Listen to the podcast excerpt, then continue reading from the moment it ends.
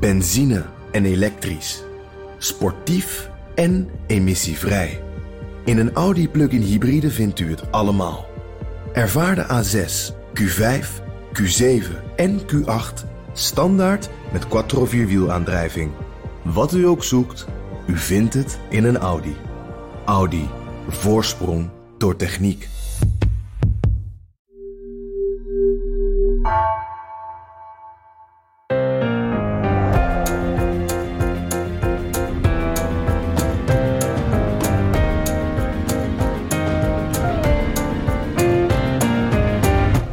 Is Haagse Zaken van NRC. Mijn naam is Lemja Aharwai. Thierry Baudet beschuldigt Forum voor Democratie medeoprichter Henk Otte van poging tot fraude en heeft hem uit de partij gezet. Dit is de dag waarop bekend is geworden dat twee Eerste Kamerleden van Forum voor Democratie overstappen naar de nieuwe partij van de gewarieerde uh, senator Henk Otte. Het gaat om Jeroen de Vries en Dorien Rookmaker. Uh, Annabel Nanninga zegt uh, zojuist dat ze haar lidmaatschap van Forum opzegt.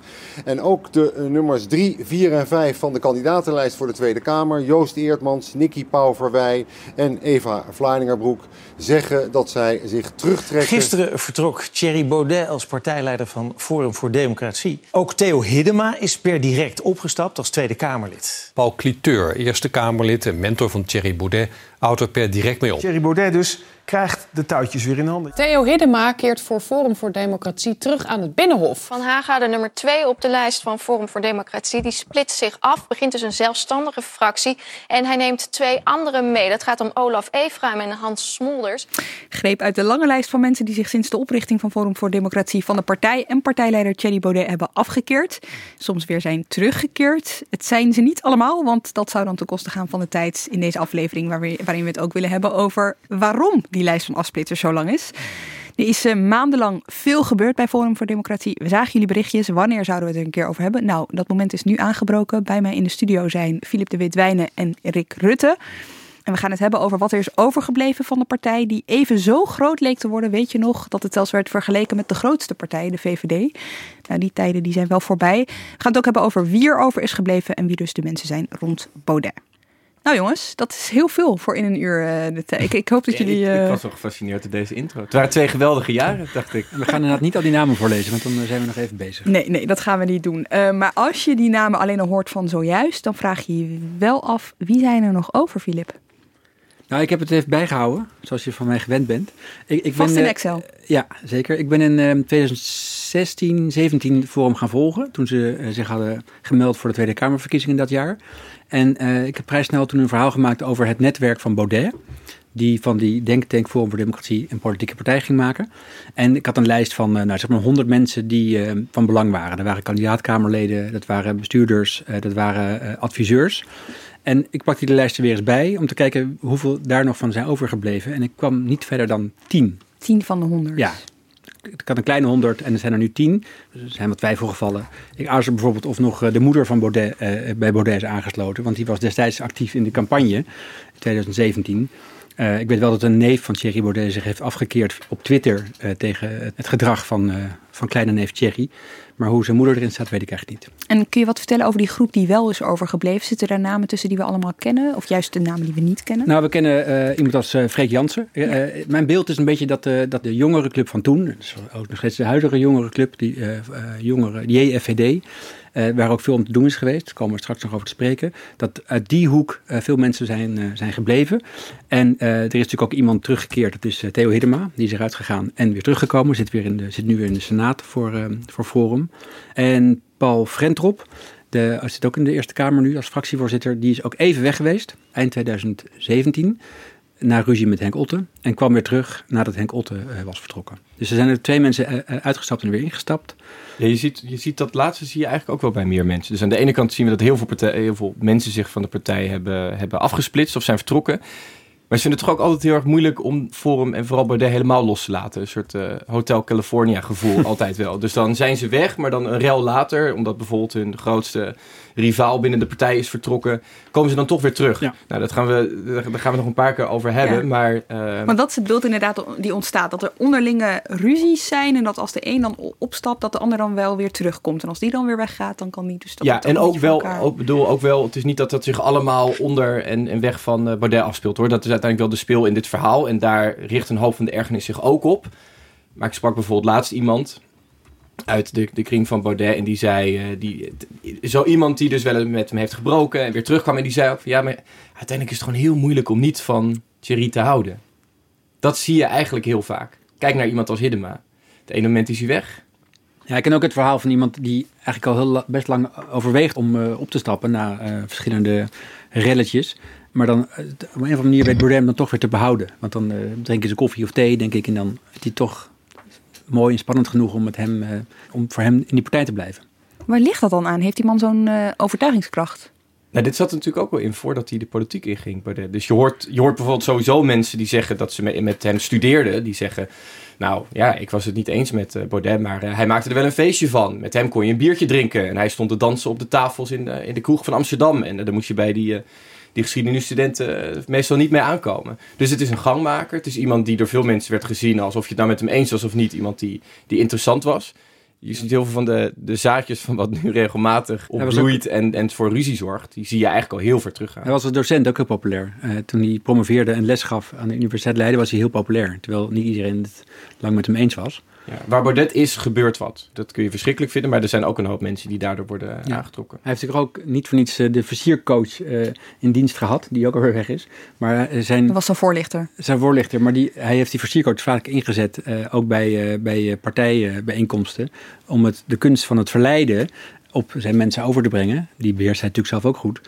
Want als je, als je vrouwen of mannen kunt verleiden in de liefde, dan kun je ook kiezers verleiden om op je te stemmen. Dat was de, de theorie. En ik denk dat, dat Baudet goed naar die uh, Tom Gorney heeft yep. geluisterd. Wie, wie er overgebleven zijn of wie zijn entourage nu is, dat, dat bepaalt voor een deel ook hoe, ja, wat, wat het gedachtegoed nu is van Forum. Daar gaan we het straks even over hebben. Eerst eventjes door die afzwaaiers heen. We hoeven echt niet allemaal langs. Mhm.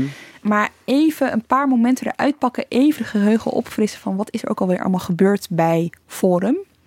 Zullen we beginnen met... Uh, oh, ik, er wordt een, Excel, een printje van een Excel-sheet in de lucht gehouden. zeg het maar. Ik heb, ik heb uh, ook daar even een paar periodes op rij gezet. En ik kom tot zes momenten van, uh, van uh, boedelscheiding. En eigenlijk is de eerste keer al in 2016 dat de, dat de denktank besluit politiek, in de politiek in te gaan. Toen is er een aantal mensen afgezwaaid die in de raad van advies za, za, zat. En er zat bijvoorbeeld Arjo Klamer bij. En dat is een bekende SP'er, de SP-econoom. Die adviseerde Baudet of was op de comité van aanbeveling of dergelijks. Die vond het politiek worden en die uh, hield niet van rechtspolitiek van uh, Forum, want hij was, uh, was van de SP. Dat is eigenlijk een beetje voordat, ze voordat de politieke partij werd. Toen kreeg je in november 2017, na de, zeg maar de entree van Hiddema en Baudet in de Tweede Kamer, kreeg je een eerste grote conflict achter de schermen. Dat zag helemaal niemand, want het partijcongres is zoals altijd bij deze partij besloten. Maar bij het partijcongres in november 2017 bleek er een conflict te bestaan tussen onder andere Paul Frentrop en, en Henk Otte. Paul Frentrop zou voorzitter worden van de partij bij dat congres, maar hij had zich teruggetrokken, omdat nou ja, hij met Henk Otte in de clinch lag. Toen is Paul tijdelijk gestopt. En deze rel die kwam eh, tot uitbarsting op moment 3 in februari 2018. Toen opeens partijadviseur Robert de Haze Winkelman, een oud VVD'er, werd geroyeerd door de partij. Samen met zijn vrouw, die ook betrokken was. Die maar waren je zegt opeens? Nou, die, nee, die waren, die waren, uh, hij was een belangrijke adviseur van het partijbestuur. Bemoeide zich met de recrutering van nieuwe talenten voor de partij. En hij zat ook in dat conflict van november, daar was hij ook bij betrokken. Hij had ook moeite met Henk Otten. En uh, hij had zich daar um, intern over uitgelaten. En hij had ook een brief geschreven naar het bestuur. Werd gesteund door een paar andere uh, dissidenten, zoals ze werden genoemd. En die werden toen, uh, ja, voor straf eigenlijk, werden ze uit de partij gezet. Een clubje van vier, van vier mensen, waarvan er drie ook op de kandidatenlijst van de Tweede Kamer hadden gestaan. en toen heb ik geturfd, volgens mij al van de 30 kandidaat-Kamerleden 2017 was al de helft ongeveer vertrokken. Het zij uit eigen beweging, dan wel weggestuurd. En de rode lijn daarvan is dan dat uh, Henk Otte uh, zwaaide toen uh, de, hoe ja, dat? De... Die was achter, achter de schermen de grote man. Hoe noemen we dat nou? Zwaaide... Scepter. Dankjewel. Scepter ook deelde de laag Precies, en, en, Baudet volgde hem, volgde eigenlijk Ja, die waren toen echt twee handen op één buik. Baudet het politieke gezicht en Henk Otte achter de schermen de grote man van de organisatie. Waar Henk Otte, een voormalig LPF'er, waar die niet voor was, was om er een echte partij van te maken met een regio of een uh, lokale structuur met allemaal partijraden. En dat vond hij allemaal te VVD-erig. De Haze Winkelman was er wel voor. Henk Otte wil, moest daar niets van hebben. Die wilde echt de macht centraliseren bij het partijbestuur. Dus dat leidde tot een uit, exit van een aantal kandidaat-Kamerleden. April 2019, toen kwam het grote conflict tussen Henk Otte en Baudet. Nadat, dat was een heel raar moment, want uh, ze hadden in maart ook die grote verkiezingsoverwinning behaald voor de Provinciale Staten. Het, was, het werd de grootste partij, electoraal gezien, uh, van Nederland. Kregen een grote positie in de Provinciale Staten en in de Eerste Kamer. En het was even om dat moment terug te halen van twee zetels in de Tweede Kamer naar de grootste partij. Uiteindelijk twaalf zetels in de Eerste Kamer. Ja, en dat was echt dat was wel een soort van moment bij iedereen van ja. uh, wow, deze partij gaat hard. Ja, en ze konden in alle provincies konden ze aan tafel schuiven ja. voor, de, voor de lokale voor de formaties. Maar goed, Henk Otte heeft zich toen geuit in dat uh, interview wat hij aan ons in de NRC gaf. En had kritiek op uh, de one-man show Baudet. Daar komt het eigenlijk op neer. Uh, en hij had ook uh, moeite, dat, dat, riep hij openlijk, op die uh, beroemde boreale speech van Baudet, de overwinningsspeech, waar jij bij bent geweest, Rick. In ja, de, in ik was Zeist. bij in Zeist. Ja, dank, dankzij jou, Filip, want ik kwam toen, ik kwam toen net binnengerold bij En ik ging, ik ging naar GroenLinks. En Filip had twee partijen. Filip had GroenLinks en Forum. En die dacht, ik ga naar de partij die vanavond het heel goed gaat doen. Die ging naar GroenLinks. Ja, ik had verkeerd gekozen. Dus ik, uh, ik was in Zeist. En een paar maanden later mocht ik naar GroenLinks en ging Philip naar Forum. Ja. En toen deden ze het heel veel minder goed. Ja. Want eigenlijk zag je daar wat Otte later in dat interview tegen jullie zei. Dat zag je ook al op die avond, zag je die stemming een beetje omslaan. Ja. Uh, uh, de avond van die verkiezingen waar ze de grootste werden. De taxi daar naartoe namen, namen Baudet en Otte nog samen. Daarna hebben ze niet meer samen in één auto uh, gezeten, heb ik altijd begrepen. Otte beende ook weg die avond. Baudet zat de hele avond, toen duidelijk werd dat ze het heel goed gingen doen, zat hij in de, de hotelsuite. Het was in een hotel in Zeist. Zat hij opgesloten met Freek Jansen, waar zij die overwinningsspeech aan het schrijven. En binnen die avond gingen ze eigenlijk aan de ene kant naar de grootste partij. Maar ze gingen ook, meteen brak Baudet ook al met dat idee dat dit een echte normale, brede volkspartij zou worden. Met die speech. Waar zat dat dan in? In een verhaal over de elf van Minerva, over onze boreale wereld die gered moest worden. In uh, de elite die ons nou, kapot wilde maken, zo ongeveer. Hoe wij ijstijden hadden overleefd en mammoeten hadden gevloerd. Nou, dat is uh, niet heel erg verkapt uh, manier om te praten over dat wij witte mensen zijn daar merkte je dat dit niet was waar iedereen zich voor uh, nee, ja. had ingeschreven. Mensen die op die partij gestemd hadden, mensen die er lid van waren geworden. En daar, tot dan toe had je juist gezien dat heel veel mensen bereid waren om op Forum te stemmen. Mensen van de VVD, van CDA, van allerlei andere partijen ook. Ze hebben het in heel Nederland, als je terugkijkt naar die uitslag, ontzettend goed gedaan. Ze konden overal wedijveren. Uh, mensen in die, op die rechtsconservatieve flank waarvan we al jaren weten dat daar ru politieke ruimte is. En mensen die zeiden deze partij gaat echt een tandje verder dan CDA en VVD. Maar die ook dachten deze partij is nog lang geen PVV. Al was het maar omdat deze partij salonveeg was. En precies daaraan begon Baudet eigenlijk in die speech al te zagen. En die speech die hebben we helemaal ontleed in Haagse Zaken toen de tijd om het gedachtegoed uh, te begrijpen. Die zetten we even in de show notes, die aflevering. Ja. Geldt ook voor uh, de aflevering waarin jij vertelde, Filip, over hoe dat interview met Otte tot stand ja. was gekomen. Dat was nog ja. best spannend hoe dat was gegaan. Maar even naar het moment erna, want die speech wordt gehouden. Ja, het gek is eigenlijk dat Henk Otte een maand later dit interview gaf. Dus na, die, uh, na die verkiezingsoverwinning. En hij had daar onverholen kritiek, niet alleen inhoudelijk. Het ging over de next zit ja of nee. Het ging over dat meldpunt linkse indoctrinatie, waar hij eigenlijk ook niks van moest hebben. Het ging over de, de verborgen boodschappen van blank nationalisme, die hij ook wel in, uh, in Baudet's uh, verhalen hoorde. En hij zei ook, dat vond ik, vond ik ook wel interessant. Uh, Rick zegt, het moest een brede partij worden. Met ook, en er was ook een breed kader inmiddels. Er waren overal uh, volksvertegenwoordigers en er, wa er, waren medewerkers. En hij zei, letterlijk in dit interview, ik pak het er even bij. Baudet moet de mensen in onze partij niet in de wind zetten. Het is misschien leuk om een gewaagde uitspraak te doen, maar nu zijn we een grote partij. Woorden hebben consequenties. Je hebt verantwoordelijkheid voor andere mensen. Het is de vraag of je een politieke partij moet gebruiken als vehikel voor academische debatten, die je zelf leuk vindt.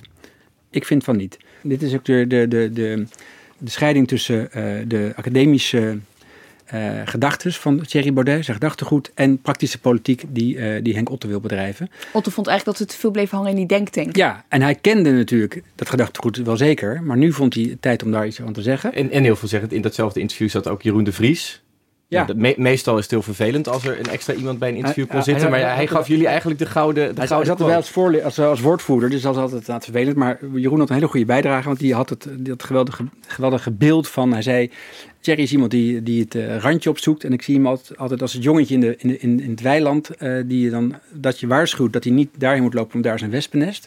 En dan rent hij er toch naartoe, wordt gestoken en rent daarna huilend weg. Dus je waarschuwt van pas op, daar zit gevaar. Maar Baudet doet het gevaar op. En die, uh, ja, die metafoor die was heel, uh, Heel treffend. Ja, niet lang daarna ontstond er ja, echt, echt een ruzie. Die twee gingen rollend over straat. Ja. Hè. Er was iets met een partijkas. Ja, er speelde natuurlijk wel nog meer, want eh, dit gaat over gedachtegoed. Dat was het verhaal van Henk Otte. Baudet sloeg terug na het interview.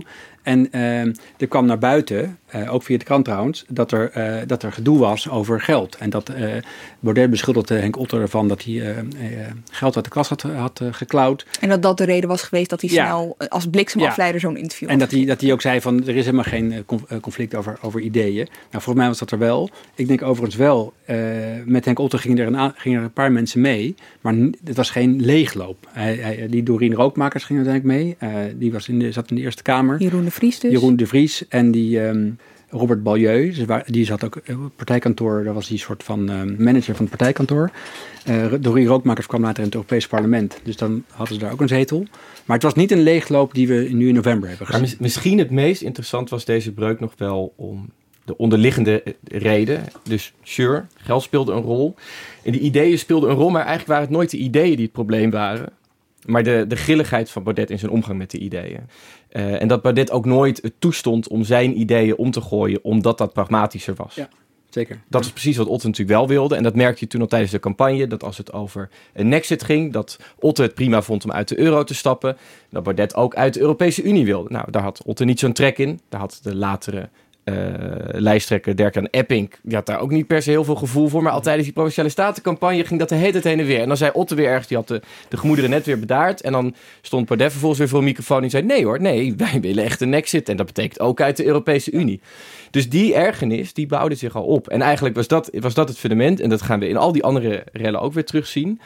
Eh, er zijn voortdurend uitspraken geweest van Baudet die de grens overgingen. Ja. Of die de grenzen opzochten. Voortdurend ideeën geweest waarom je zou kunnen zeggen... als dit je grens is, dan breek je daarom. Maar het was steeds het moment dat mensen beseften... wacht, hij houdt zich ook niet in. En ik kan hem als het erop aankomt niet bedaren.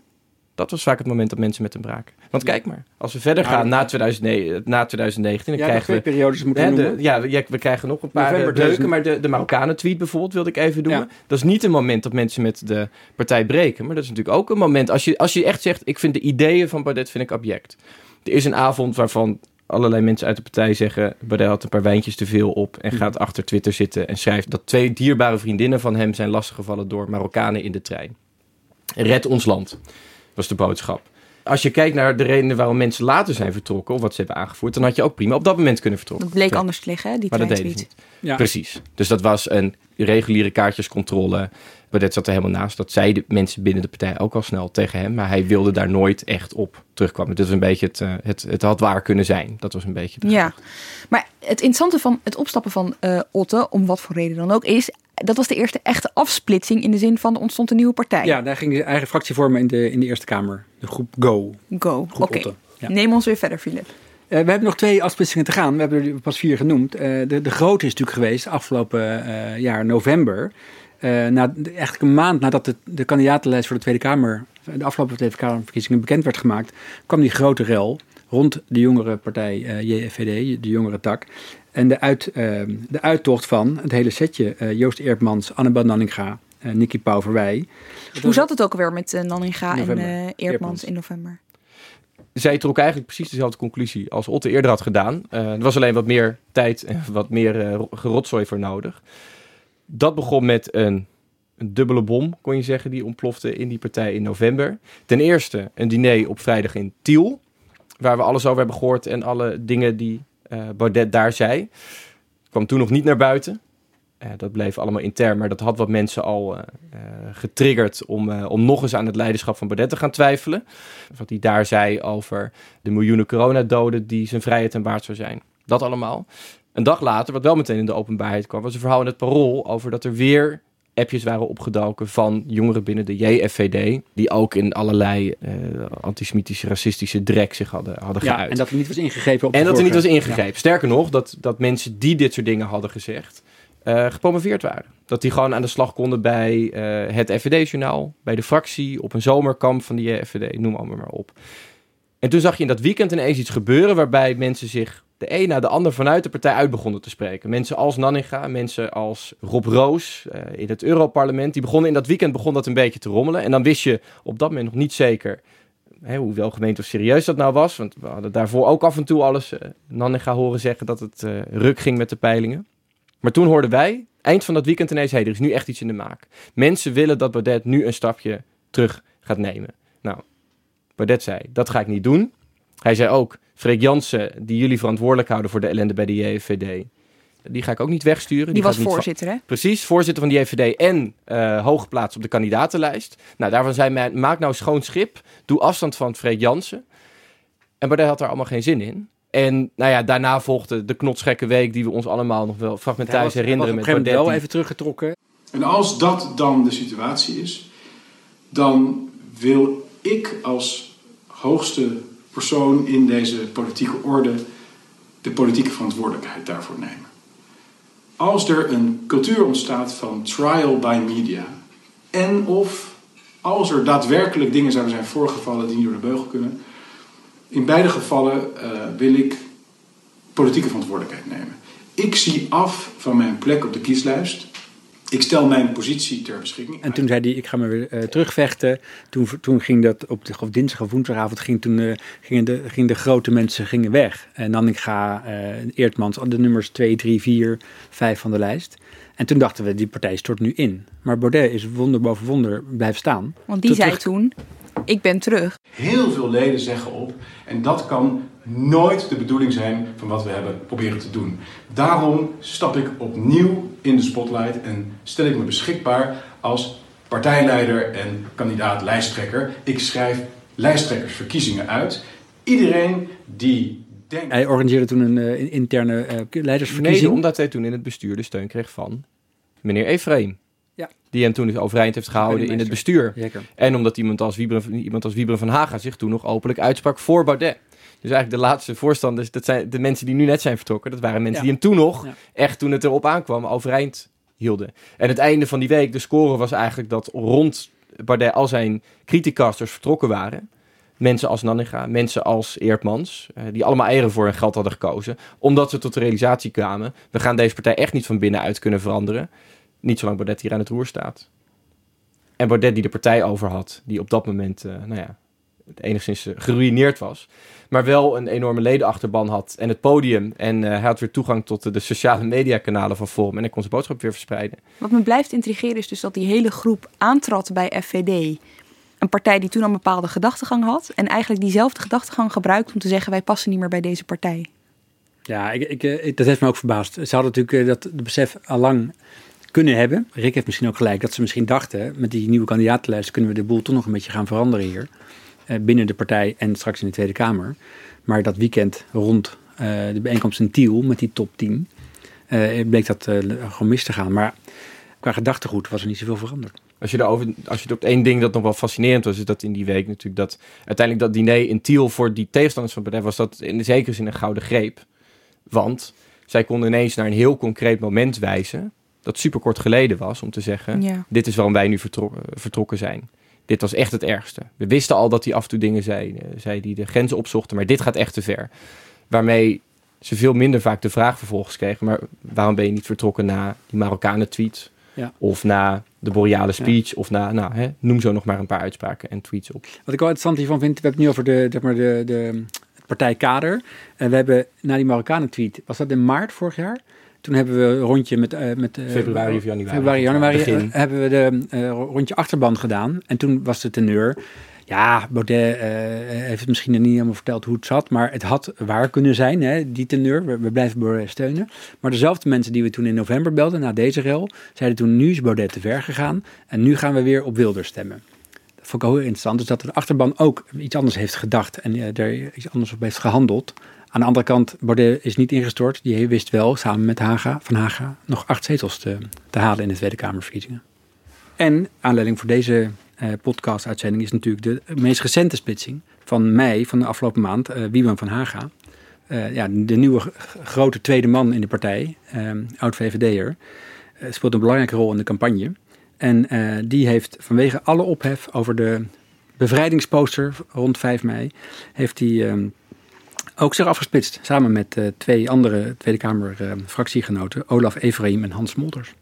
Dus heel veel rellen. Uh, als je dit zo op een rijtje hoort, echt best wel krankzinnig. Ik bedoel, alle partijen kennen zo hun eigen uh, relletjes. Maar dit is toch wel uniek, zoveel achter elkaar. Ja, het is echt uniek. Uh, om een voorbeeld te geven, er zijn toen bijna 90 statenleden voor Forum gekozen. en dus die 12 Eerste Kamerleden van die statenleden is nu nog een derde aangesloten bij Forum. De rest is allemaal afgesplitst. En dat is ook naar echt een waaier van allerlei partijen. Soms zijn ze nu loyaal aan Otte, soms zijn ze nu loyaal aan Ja21, de partij van uh, Eertmans en Nannega. Soms zijn ze een eenmans- of eenvrouwfractie.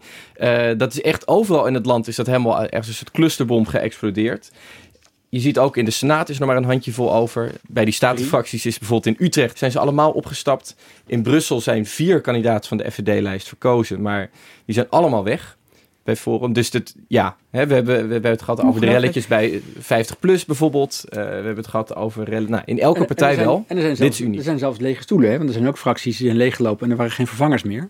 Is het Brabant? In Brabant bijvoorbeeld. Dus als, je nu, eh, als je nu dus kijkt naar uh, staatsvergadering in Brabant, in dat hele mooie ja. brutalistische provinciehuis, dan, dan, dan, zijn daar twee lege stoelen. Ja. Omdat Forum die plekken niet meer gevuld krijgt. Maar dan overheerst natuurlijk de vraag waarom? Hoe kan dit? Want nogmaals, na die provinciale statenverkiezingen was dit, dit was een partij. Nou ja, de sky was niet eens meer de limit, want ze gingen er doorheen. Dat kan omdat er steeds weer mensen zijn die, die zich tot Baudet aangetrokken voelen. Die zijn gedachten goed steunen en hem een, uh, een sympathieke vent vinden. Of denken dat dit iemand is die, uh, die hen een grote politieke overwinning gaat bezorgen.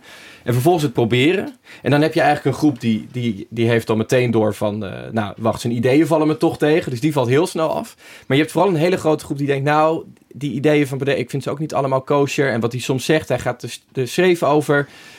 Maar ik denk dat ik hem wel een beetje kan corrigeren als we hem tegen blijven spreken. Dan kunnen we toch die pragmatische toon de boventoon laten voeren. En die groep, die is de afgelopen jaren eigenlijk keer op keer uh, een illusierijker geworden. En steeds meer erachter komen dat ook dat niet kan. Want jij noemde net al Rick uh, Otte met uh, Nexit. nou ja, Nanninga heeft die rol gespeeld waar het betreft corona. Hè. Die probeerde hem net tegen te houden van... Hè, je hebt wappies en je hebt gewoon kritisch zijn tegenover het coronabeleid. Sla nou niet uit. Nou, dat is niet helemaal uh, gelukt. Um, zag je, heb je meer van dat soort voorbeelden? Soms zie je dat mensen zich er echt over uitspreken. Dat heb ik bijvoorbeeld nog gezien voordat Van Haga wegging bij Forum vanwege de, de, de vrijheidsposterrel. Dat hij daar al van had gezegd, ik vind het niet oké. Toen zat hij nog bij Forum en even later gaf hij er toch de brui aan. Maar je ziet ook heel vaak dat mensen knarsetandend misschien nog wel bij de partij blijven. Maar gewoon tot die realisatie komen van, Baudet zit hier niet voor ons. En dat is ook in Brabant, een jaar geleden geweest. Toen werd daar geformeerd. Dat had Forum eindelijk voor het eerst de kans om serieus in een provinciebestuur te komen. De CDA wilde dolgraag, VVD stond er ook voor open. En wat zegt Baudet op het moment dat die formatie in de afrondende fase is? Die gaat bij Geen Stijl in een uitzending zitten en zegt CDA, VVD, links. Het is allemaal één pot nat. Het zijn allemaal cultuurmarxisten die erop uit zijn om, uh, om Nederland uh, te vernietigen.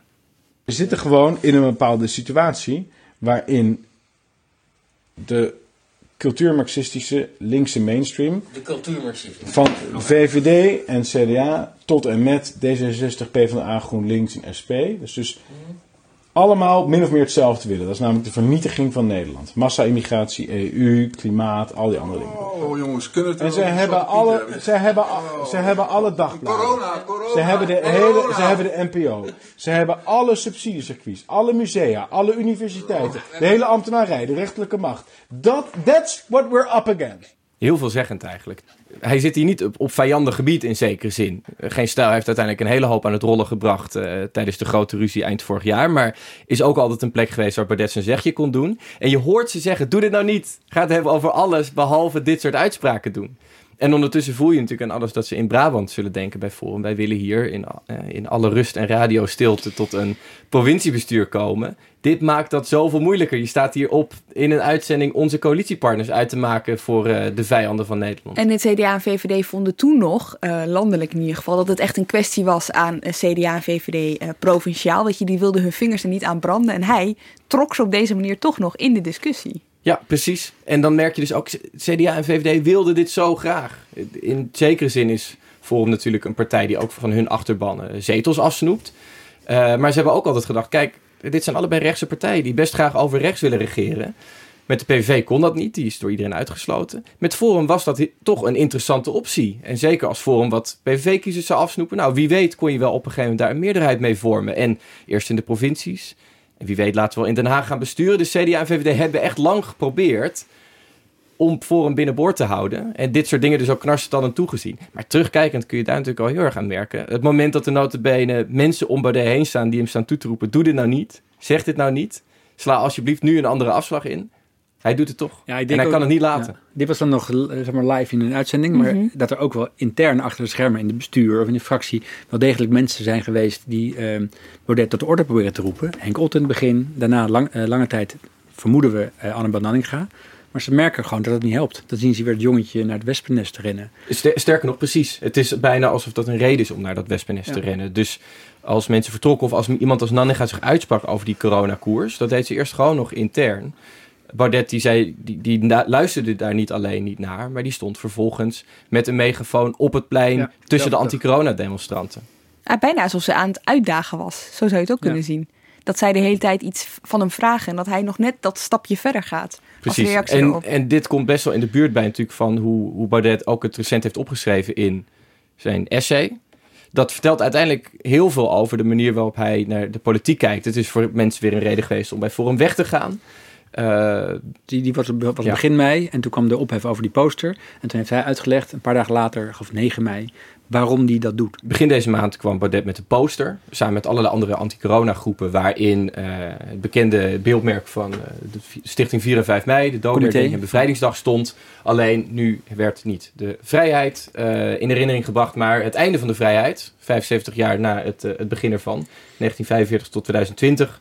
Waarmee maar gezegd werd, de coronamaatregelen, dat is eigenlijk eh, van hetzelfde kaliber als de Tweede Wereldoorlog en de, de onderdrukking van die tijd. Nou, daar waren mensen gepikeerd van. Waaronder mensen als Van Hagen. En Baudet heeft toen nog zijn mening geprobeerd te verduidelijken in een essay. Dat schreef hij op de partijwebsite. En dat essay is volgens de reden geworden dat mensen als Van Hagen echt vertrokken. Omdat ze zeiden, zo onverenigbaar zijn we dus. Wat zei Baudet in dat essay? Hij zei, er is nu weer ophef en dat moet geen reden zijn om in te binden. Dat is juist goed. We zullen ophef zijn. FVD zal ophef zijn of zal niet zijn. Wat bedoelt hij daarmee? Baudet zegt uiteindelijk, je, kan gaan besturen in Brabant. Je kan misschien zelfs in Den Haag proberen er een wet doorheen te jagen. Maar het doet er allemaal niet toe. De, de verandering die hij voor zich ziet, die is zoveel groter. Die is zoveel breder. Hij vindt ook het Kamerwerk niet leuk trouwens. Maar wat hij echt belangrijk vindt, is dat het debat en het gesprek volledig verandert. Wetenschappers hebben het wel eens over het Overton-venster, heet dat dan. Dat gaat dan om de, de perken van het, van het debat. Hè. Wat, wat is een soort van, wordt acceptabel geacht en wat zijn taboes in een debat? Of dat nou over het neoliberalisme gaat of over ethische dilemma's. Nou, Baudet vindt dat dat venster wel verschoven mag worden. En de logica is dan, als je er maar lang genoeg op blijft rammen en drukken, dan zorg je dat uiteindelijk al die andere rechtse partijen ook een beetje jouw kant opschuiven. Dat idee. En daarom zegt Baudet, je moet dus juist die ophef opzoeken of je moet hem vooral niet vermijden. Want dat zijn eigenlijk pogingen, zegt Baudet, van onze tegenstanders om dus ons terug in ons hok te, te duwen. Nou, dat vindt Baudet. Maar eh, als jij ondertussen in Brabant in een coalitie zit, of jij bent Wieberen van Hagen en uiteindelijk heb jij allerlei ideeën om het, het ondernemersklimaat in Nederland makkelijker Met- te maken, met om het moties, coronabeleid met aan te moties en passen. amendementen, Met moties en saaie kamerdebatten en alles wat daarbij hoort. Dat zijn twee totaal verschillende interpretaties van wat je eigenlijk in de politiek aan het doen bent. Baudet plaatst zich eigenlijk buiten de orde. En eh, iemand als Van Haga probeerde op zijn manier binnen de orde iets te veranderen. In die, die zin was Van Haga het eens met, eh, met de lijn van Henk Otten. Precies. En heel lang is voor een partij geweest waarvan mensen dachten, misschien wordt het dat wel. Vervolgens was het een partij van wie mensen denken, nou, ondanks Baudet kunnen wij er misschien nog het beste van maken. En je ziet dat dat essay voor een hoop mensen de laatste druppel is geweest. Die zei, nou, ik dacht nog dat het binnen deze partij mogelijk was. Maar het gaat Ja, en het is, ja, en het is ook eigenlijk vrij pijnlijk dat dit zo kort na die eh, Tweede Kamerverkiezingen is. Met een, met een nieuwe steunpilaar van Baudet, die Wieben van Haga. Die had ook iets van 200.000 stemmen. Eh, met die twee andere uittreders eh, hadden ze samen gewoon vier zetels gehaald. Dus Baudet staat er ook steeds in, niet alleen om eh, zomaar mensen weg te jagen, maar ook eh, steun, echt belangrijke steunpilaren. Organisatorisch en politiek. Maar wa- waar ik een beetje tegenaan loop bij al die mensen die zich hebben afgesplitst, die vinden altijd een reden, een soort morele reden Ja. van: oké, er is een soort ondergrens geraakt, dus moeten we weg. Dat was met Eertmans en eh nou, die hele riedel die erbij hoorde, Nanninga en, Ja, en- en de restje, de rest van de, van de, van de Kamerlijst je kunt afvragen of die ondergrens niet eerder was bereikt. Nee, dat, Ja. dat wilde ik dus inderdaad vragen. Dat gebeurt nu bij Van Hagen ook. Die gebruikt eigenlijk ook een soort moreel argument. Terwijl Baudet eigenlijk al sinds de denktank en alles wat daarna kwam al best wel vaak in de schijnwerper stond. Omdat hij iets controversieels had gezegd over vrouwen, over homeopathische verdunning. Nou ja, noem maar op. Nou ja, De vraag is, is hij extremer geworden of grijpen anderen dat aan Er zijn, om dan... er zijn twee dingen die Baudet eigenlijk altijd in zich heeft gedragen. Het ene is dat hij radicale standpunten opzoekt en interessant vindt en aanhangt. En het tweede is dat hij ook nog eens graag provoceert. Hij draagt ze ook nog eens graag uit. Antwoord op jouw vraag. Ik denk dat eh, de mensen die lang en nauw met Baudet hebben samengewerkt, vanaf de denktank, begin van de politieke partij, die wisten donders goed dat Baudet zo in elkaar steekt. Eh, ik vond het, het, het stuk, het opiniestuk dat Annabel Nanninga schreef, kort voordat ze de partij verliet, eh, eind november. Eerst zei ze, ik ga nog niet weg, maar ik vind wel dit. Toen heeft ze Baudet enorm een veeg uit de pan gegeven. En daar heeft ze termen als het, over onfrisse bruine dampen, over complottheorieën, types van bedenkelijk allooi, radicaal gebral, interne angstcultuur. En ze beschrijft de gang van zaken in haar partij.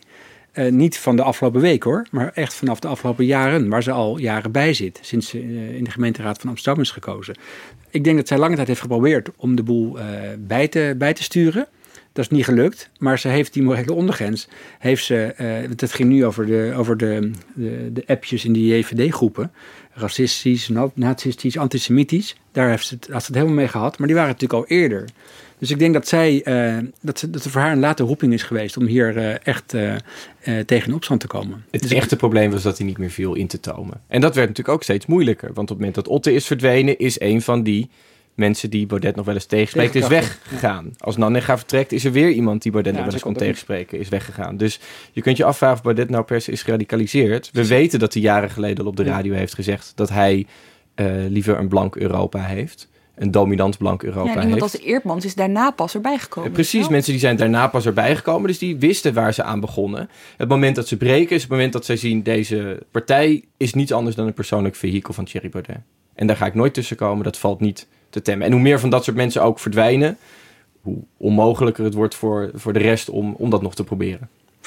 Waarbij ik me altijd afvraag is, waarom zouden er nog mensen op hem stemmen of lid zijn van die partij? Want ze weten dat ze dan een, een politiek gewicht geven aan een partij of geld geven aan een politieke partij die, ondanks alle, alle toestanden, eh, die hebben echt niets in de melk te brokken hier in Den Haag. Dus eh, ja, ik, ik heb zei het ook twee jaar geleden, wil je, wil je je steun verlenen aan een partij die eh, niets zal uitrichten? Nou ja, tegelijkertijd zien we dat het een partij is geweest die steeds weer is teruggekomen. Dat is en die wel degelijk Heel knap. eh, de potentie heeft gehad. En ook weer heeft ervonden, leek het soms, om echt een, om met de grote jongens eh, mee te doen. Ik weet nog dat ik in 2019, na de breuk met Otte, eind van het jaar, eh, waren wij samen in Barneveld. Daar was het partijcongres van Forum. Toen hadden ze dus al een hele hoop heibel achter de rug gehad. Toen was de Boreale Speech al geweest. En daar hadden ze een hele rij aan, aan artiesten meegenomen. Lange Frans stond er te spelen met uh, Baudet op de piano. Ze hadden uh, uh, Piet Hoekstra, de, ambassadeur. de Amerikaanse ja. ambassadeur, binnengehaald. En ze hadden eigenlijk niet ja, van, dit, we hebben een hele wereld. Ja. Er is gewoon een forumbubbel, een forumwereld mogelijk. Ja, maar toen hebben ze ook, want toen heeft toen, die nieuwe penningmeester Olaf Efrin, nu vertrokken, die ging toen even de financiële puinhoppen van Henk Otte opruimen. Heeft hij toen beloofd. Er werd nog uh, een smaadzaak aangespannen, volgens mij over en weer. Maar ook werd er beloofd, op uh, verzoek van, de, van het congres, dat er uh, werd gekeken naar de interne partijdemocratie. Weet je wel, dat beroemde artikel waaruit blijkt dat de partij, de, de benoemingen van bestuursleden of het ontslag van bestuursleden kon alleen plaatsvinden met twee derde van de stemmen op een vergadering waar twee derde van de leden aanwezig is. Dus dan moet je een, voetbalstadion inhuren. Bij dat congres in Barneveld heeft Baudet beloofd, daar gaan we naar kijken. Ik heb die statuten er nog eens bijgepakt gisteren. Dat bestaat nog steeds. Dus die, die interne partijdemocratie is ook niet verbeterd. Waar veel mensen die zich bij deze partij hebben aangesloten wel voor gingen. Omdat, omdat ze dus ook steeds erin zijn geslaagd om weer te doen alsof het een nieuwe start was. Ja. Alsof we konden vergeten wat er daarvoor was gebeurd. Zand erover. Ja. Vanaf nu zijn wij een nieuwe partij, een andere partij. Je, Precies je, ook hoe ze de coronacampagne natuurlijk hebben gevoerd. Al het andere deed er niet meer toe. We zijn weer een hele nieuwe partij met nieuwe ambities. En ik ben er zeker van dat ze dit de komende jaren als de coronacrisis helemaal geluwd is. Zoeken ze weer een ander onderwerp Precies. waar ze zich volledig ja, ja, en als je het patroon ook doorzet, dan zou je kunnen zeggen, dat, kun je kunnen voorspellen dat als uh, Freek Jansen, nog steeds een grote man achter de schermen, en, en Kamerlid, uh, als die groter en krachtiger en machtiger wordt, dat hij dan een bron is voor het volgende conflict met partijleider Baudet. Stel je voor dat Freek Jansen heel populair wordt, uh, dat is al hoor, in zijn, eigen, in zijn eigen kring. En dat wordt een belangrijke factor in de partij. Net als Van Haga, die op eigen houtje heel groot en machtig, of invloedrijk werd en populair vooral. Baudet heeft ook niet zo'n. Uh, zit ook niet te wachten op populaire mensen naast hem. Nee, dan moet ik denken aan die ene tweet. Dit schip heeft maar één kapitein. Ja. En, en volgens mij gaan de meeste kapiteins met hun schip ten onder. We hebben het nu over wat er over is uh, van de partij. Rick, jij omschreef het ooit als de Rotterdammers en de Leidenaren. Hè? Dat, dat, dat, dat, dat gebruikt hij om uit te leggen wat het verschil is tussen de twee kanten van uh, de FVD'ers. Eerst even, wat zijn die kanten? Wat bedoelde je daarmee? En, maar ook, uh, wat is er over? Ja, ik, ik, ja, niet mijn idee hoor. Ik kwam van een, een, een, een forumbron of iemand uit, uh, uit Baudet's kringen. Die kwam zelf met dat onderscheid. En ik vond het eigenlijk wel een hele interessante. Die zei, je hebt Rotterdammers en je hebt Leidenaren binnen Forum altijd gehad. Je hebt een groep gehad, de ondernemers. De mensen die, uh, die pragmatisch waren. Die misschien kritisch waren over de euro. Maar ook wel binnen de EU wilden blijven en gehecht waren aan handel. En lage belastingen. Precies, dat verhaal. En je hebt de Leidenaren gehad, de Universiteit Leiden, het, het clubje filosofen. Nou, dat zijn dan niet allemaal mensen die per se uit Leiden komen of er gestudeerd hebben, maar een meer idealistische groep. Die ook een beetje dat idee steunt van Baudet dat je kan je wel gaan bemoeien met, met wetgeving en met moties, maar uiteindelijk moet je dat, die Kamer maar vooral zien als een podium om, uh, om je ideeën uit te dragen en uh, wat Otte die academische debatten noemde, om die daar te voeren. Nou, als er een groep de afgelopen jaren is vertrokken, dan waren het eigenlijk steeds die die pragmatische types, die Rotterdammers. Die kapten ermee, want die merkten dat er dus helemaal geen pragmatische agenda op te stellen was. Want elke keer als jij keurig die agenda had opgesteld, dan was het weer, kwam er weer iets tussendoor. Theo Hiddema heeft mij wel eens verteld dat toen hij vorig najaar net druk bezig was om een verhaal, te, dus een verhaal voor te bereiden voor, ik meen de justitiebegroting. Mm -hmm. een heel verhaal over ja. de, het antiracistisch industrieel complex had hij volgens mij bedacht, zoiets. En uh, hij had het net af en voorbereid. En toen barstte die JFVD-bom. En dat was een van de redenen ook voor hem om toen op te stappen. Omdat hij gewoon dacht, wat ik ook doe, ja. er komt altijd weer een rel tussendoor. En dat komt bijna altijd omdat er in deze partij mensen zitten die zich niet in kunnen houden. Dat is, dit is trouwens wel heel, dit is voor de partij uiteindelijk wel heel problematisch natuurlijk. Het is best leuk natuurlijk om met z'n allen te filosoferen en na te denken en academische debatten te voeren. Maar uh, het zijn wel de Rotterdammers, of het zijn wel die ondernemende types die helpen om een congres te organiseren. Ja. Die vaak kunnen helpen om fondsenwerving te vinden. Die veel meer poten in de modder hebben, die veel meer uh, netwerk hebben. En dat is bijna allemaal weg. En dan hebben we het, Van Haga is natuurlijk een heel bekende naam, maar ook iemand als Efreem, bestuurslid, uh, bankier geweest en uh, stand-up comedian kwamen Filip en ik achter. Zijn, zijn bankiersbedrijf heette ook Schaterlach BV, maar, maar dat terzijde. Ook iemand als Arjen de Kok, in Gelderland. Die was daar de fractievoorzitter, schreef mee in het verkiezingsprogramma. Maar ook iemand die een PhD heeft gehaald en uh, ja, zijn wereldje kent. Hans Smolders, hartstikke populair in Tilburg. Dat zijn allemaal mensen van wie Forum enorm kon profiteren. Om hoe populair ze waren, om wat ze allemaal aan netwerk binnenbrachten. En die zijn weg. Oké, dus die zijn allemaal weg. Dan blijf je achter met die leidenaren en de filosofische discussies. Ja, nou, en precies dus wat je binnen Forum ziet. Het, interessant is dat daarmee dus niet de discussies verdwijnen. Het is niet dat iedereen er het, hetzelfde over denkt als uh, Baudet. Maar dan gaan ze in hun kleine cirkeltje, uh, kunnen ze op de fractiekamer of uh, met elkaar dus nog over allerlei dingen debatteren. En ze, dat zijn dan Baudet en Leidenaren. In de praktijk zijn dat dan vooral heel veel mensen die ook in geschiedenis zijn met de JFVD. Of die als jonge fractiemedewerkers zijn binnengekomen, nu zijn opgeklommen of zelfs Kamerlid zijn geworden eigenlijk allemaal uit het, het kleine kringetje rond Baudet. Alleen ja, die discussies gaan dan uh, over de vraag of, uh, of je de, de, de Koran zou moeten verbieden, zoals de PVV wil, of dat er ook een, uh, een acceptabele vorm van de islam zou bestaan. Ja, dat zijn meestal niet meer helemaal de discussies waarmee een brede volkspartij wordt. En zit er in die groep die overgebleven is, zit daar ook een tegenstem die, dus, die zich wel steeds heeft aangediend, of dat nou in de vorm was van Otto of Nanninga of whatever. Zit, zit dat er nog of is dat volledig verdwenen? Ik zie ze nu niet. Hè, dus er is dan wel discussie, maar dat, heeft veel, dat gaat veel minder ook over de vraag van hoe kunnen we ons nou als partij echt, echt onderscheiden. En het gedachtegoed van Baudet, zie je daar iets veranderen? Of is, is dat altijd hetzelfde gebleven?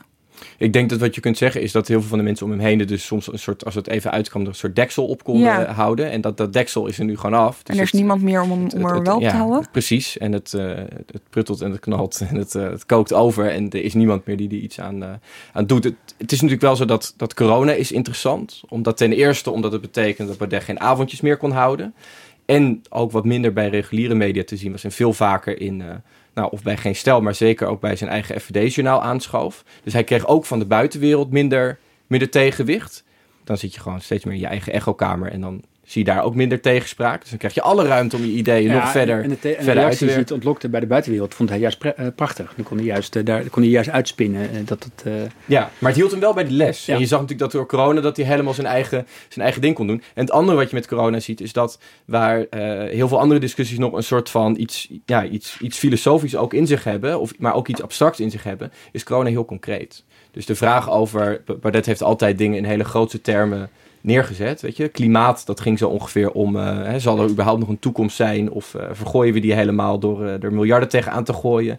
Het Marrakesh-pact, dat was een soort apocalyptisch verhaal. Nou, daar hebben ze ook de, de statenverkiezingen zo'n beetje mee gewonnen. Maar bij corona is het nog veel concreter. Want corona gaat echt over leven en dood. En als je bij corona zegt, wij geloven niet in dit virus... dan betekent dat ook ineens dat je dus door de kamer kunt gaan lopen... eh, mensen aan gaat tikken, mensen, kunt, mensen gaat provoceren eigenlijk puur door te zeggen... ik geloof niet in dit virus, ik draag geen mondkapje... en ik breng de mensen om me heen in Ze gevaar. geloven wel in corona, maar het is gewoon te vergelijken met een griepje. Ja, hè? Dat precies, is, eh, dat, is het de verhaal. lijn. Maar, ik het gevolg hiervan, je kan ook zeggen... misschien is het alsnog geen goed idee om, eh, om een 78-jarige informateur de hand te proberen te geven. Dat probeerde je- hij bij Cenk Willink. Precies, en dat kun je toch moeilijk anders lezen. Ik denk achteraf... Hij was gewaarschuwd, natuurlijk Cenk Willink. Dus het- het zijn corona-verhaal heeft natuurlijk, was ook een strategische keuze geweest in de verkiezingscampagne. Als enige partij eh, met dit standpunt. Iedereen, eh, zelfs Wilders, heeft het coronabeleid van het kabinet gesteund. En hij zocht een, eh, een niche, denk ik het wel. Hij had Van Haga mee, die het al, jaren, die het al een tijd riep natuurlijk. Maar hij heeft gekozen voor het ene, het ene thema, corona. En ik, ga, eh, ik ben het eh, oneens met wat alle anderen zeggen. En dat, dat heeft een heel veel, eh, heel veel stemmers op. eh, Ja, nou, er, er komt natuurlijk ook ik een ben punt. Bedoel, het, zou, het kan natuurlijk dit, we kunnen niet in Baudet's hoofd kijken. Het kan natuurlijk prima dat dit gewoon dat hij dat dit is hoe hij denkt. En het en het is sowieso duidelijk dat als Baudet eenmaal een standpunt heeft ingenomen, hij is erg blij als dat iets is dat helemaal afwijkt van de rest. En hij doet dan graag zijn best om die verschillen te benadrukken. Alleen betekent dat dus bij corona veel meer nog dan bij die andere dingen, dat je, dat je echt met, met leven en dood kunt spelen. Ik ben benieuwd welk thema hij gaat zoeken als de coronacrisis achter de rug is. Nou, daar is hij toch eigenlijk al wel een beetje mee begonnen. Want corona is, het is nog steeds iets waar hij wel mee bezig is. Hè. En, en nou ja, jij legt net ook uit, je, eh, Rick, je ziet het in de Kamer met Kamerleden die weigeren mondkapjes te dragen. En die elkaar zoenen na een medespeech. Hè. Maar toch, als je terugkijkt naar die speech uit 2019, die veelbesproken speech, waarin hij het had over het ja, infiltreren in instituties, om die vervolgens ja, over te kunnen nemen. Om, om, om, daar is toch wel echt iets veranderd. Nou, hij heeft afgelopen, was het afgelopen, eh, vorige week zaterdag heeft hij weer in een nieuw tv-programma volgens mij. Dat heette, heette Het Forum. Dat was niet het FVD-journaal. Het was weer een professionele studio waar... Is die presentator nu ook weg? Die Ja, hij, hij was, was zelf met je de host. Hij ging zichzelf eh, interviewen, leek het wel. En Ralf Dekker, een andere eh, steunpilaar in het bestuur van het Forum. Ook een oud Eh, en Fred Jansen was erbij, die kwam nog even langs. Daar ging hij eh, de wereld schetsen volgens Baudet. En eigenlijk was dat, eh, ja, eh, hij, ging, hij ging wat Ralf Dekker noemde een nieuwe zeil oprichten, een nieuwe wereld. Wij zijn forumland. Dit is misschien niet een territoriaal land, maar een virtueel land. Het is echt, het is een land. Het is, het is gewoon helemaal eigen infrastructuur, eigen, eigen geld. We moeten ook gewoon de forumcoin en, en crypto moeten we gaan opzetten. En dan gewoon, ja, dat is het. En geen, geen gemits en gemaar. Want dat is wat je nu de hele tijd hebt. Van ja, ik zal het partijprogramma blijven dienen, maar dan zonder scherpe randjes. En dit. Ja, dan wordt het nooit wat. niet meer in de instituties zitten, maar gewoon je eigen zelf beginnen. Precies, je dit, eigen... dit gaat nog even los van de vraag van hoeveel hiervan nou gemeend en, en gespeeld is. Dit is inderdaad heel interessant. Het gaat volgens mij niet zozeer over de, de denkbeelden van Baudet zelf. Het gaat heel erg over hoe, hoe kun je verandering bewerkstelligen en wat wil je eigenlijk bereiken.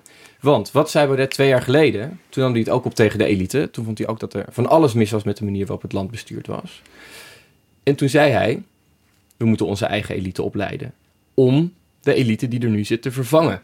En wat zegt hij nu eigenlijk? Dat gaat ons niet lukken.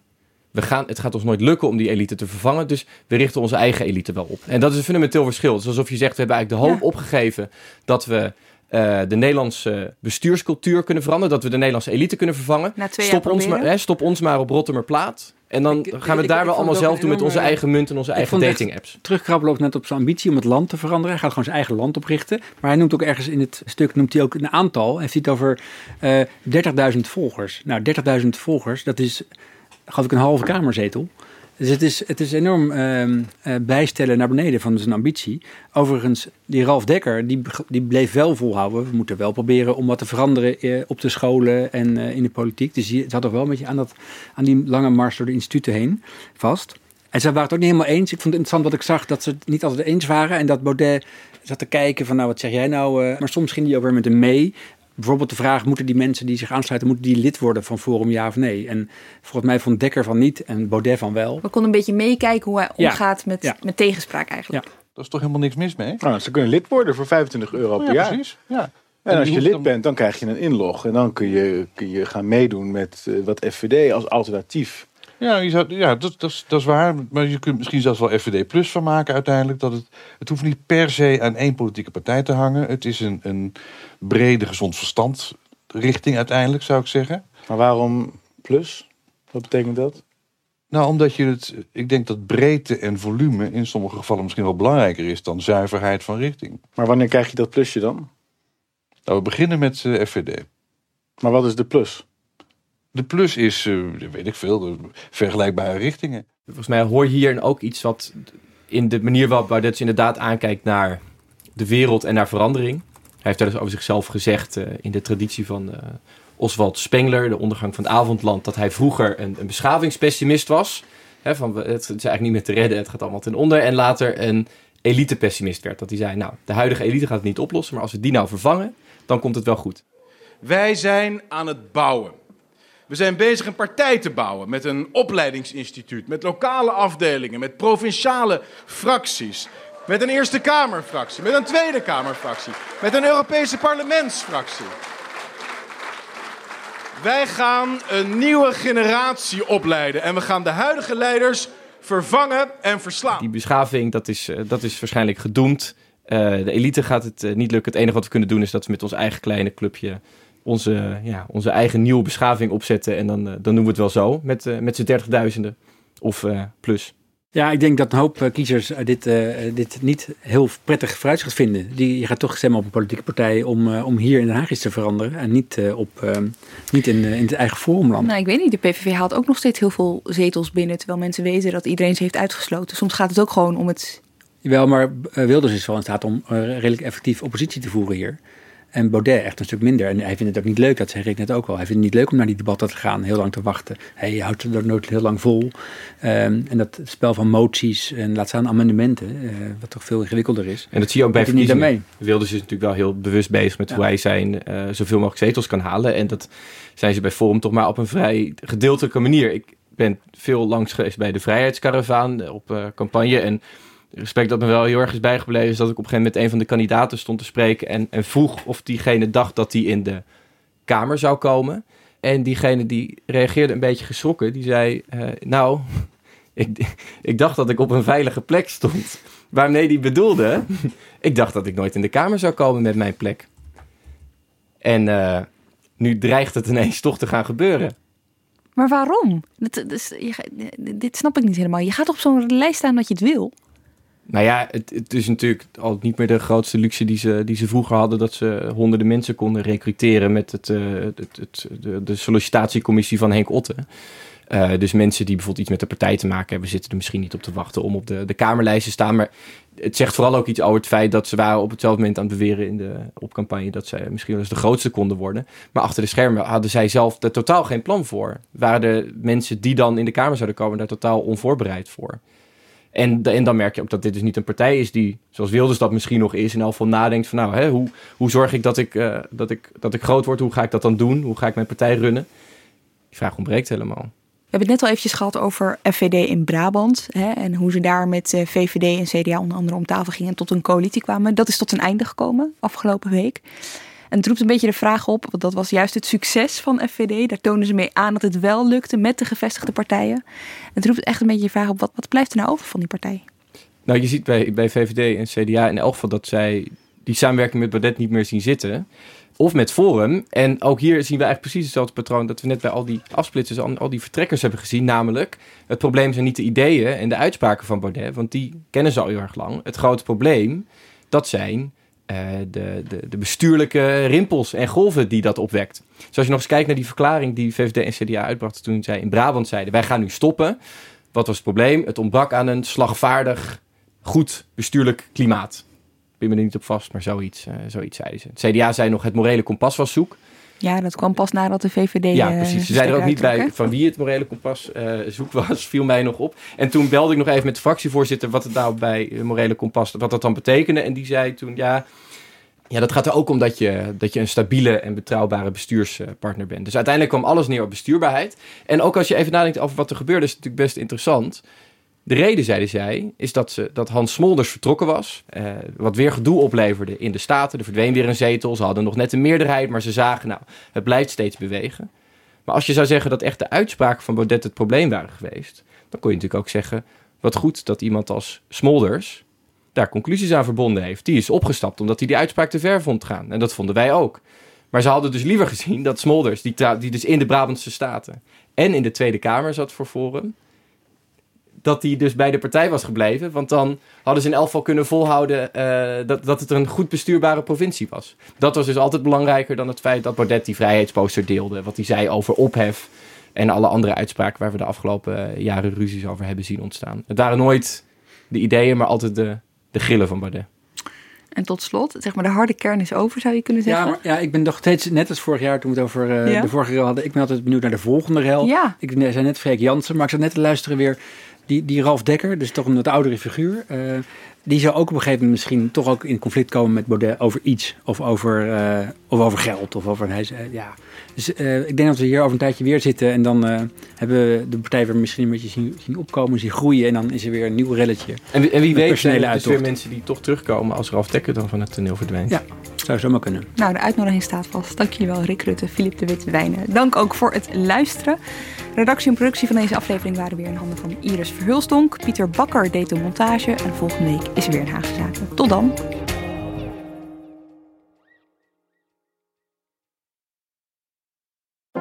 Maatschappij waarin iedereen meedoet. Een gezonde, groene en rechtvaardige wereld. Daar willen jij en heel veel andere mensen best iets aan bijdragen. In het klein en in het groot. Dicht bij huis en ver weg. Zo hebben we vorig jaar 349 miljoen euro bij elkaar gebracht. Miljoenen waarmee onze goede doelenpartners de wereld elke dag een beetje beter kunnen maken. Nationale Postcode Loterij. Samen voor een betere wereld.